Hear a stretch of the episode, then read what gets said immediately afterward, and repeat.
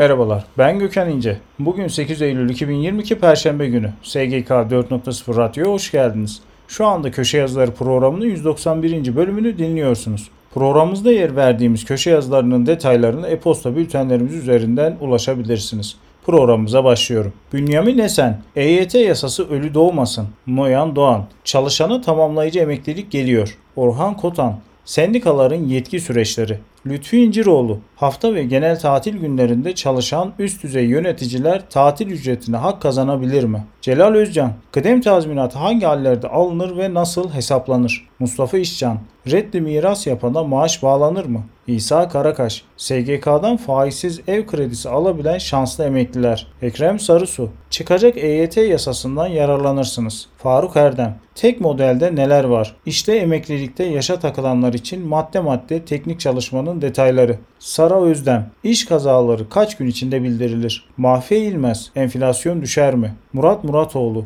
5,5 milyon kişi nasıl düştü icraya? Erhan Aslanoğlu, orta vadeli program ve zirvelerde dolaşan 3 aylık. Fatih Yıldız, 21. yüzyıl yetkinlikleri. Begüm Gürel, vekilin azli ve tayin edilecek avukatlık ücreti. Abdullah Tolu, iş dünyası zorunlu avukat bulundurma tutarının artırılmasını istiyor. Burcu Okutan, özelleştirme ile İngiliz şirkete devredilen sigara fabrikasından atılan işçiler işlerini geri istiyor. Erkan Ateşli, Türkiye'de yerleşik kişilerin yabancı ülkedeki ortaklarına, ana şirkete veya grup şirketlerine döviz ya da TL kredi açmasının kambiyo, TTK ve vergi mevzuatı açısından değerlendirilmesi. Ben Gökhan İnce, SGK 4.0 Radyo'da Köşe Yazıları programının 191. bölümünü dinlediniz. Programımızda yer verdiğimiz köşe yazılarının detaylarını e-posta bültenlerimizde bulabilirsiniz. Bir sonraki yayında görüşmek üzere.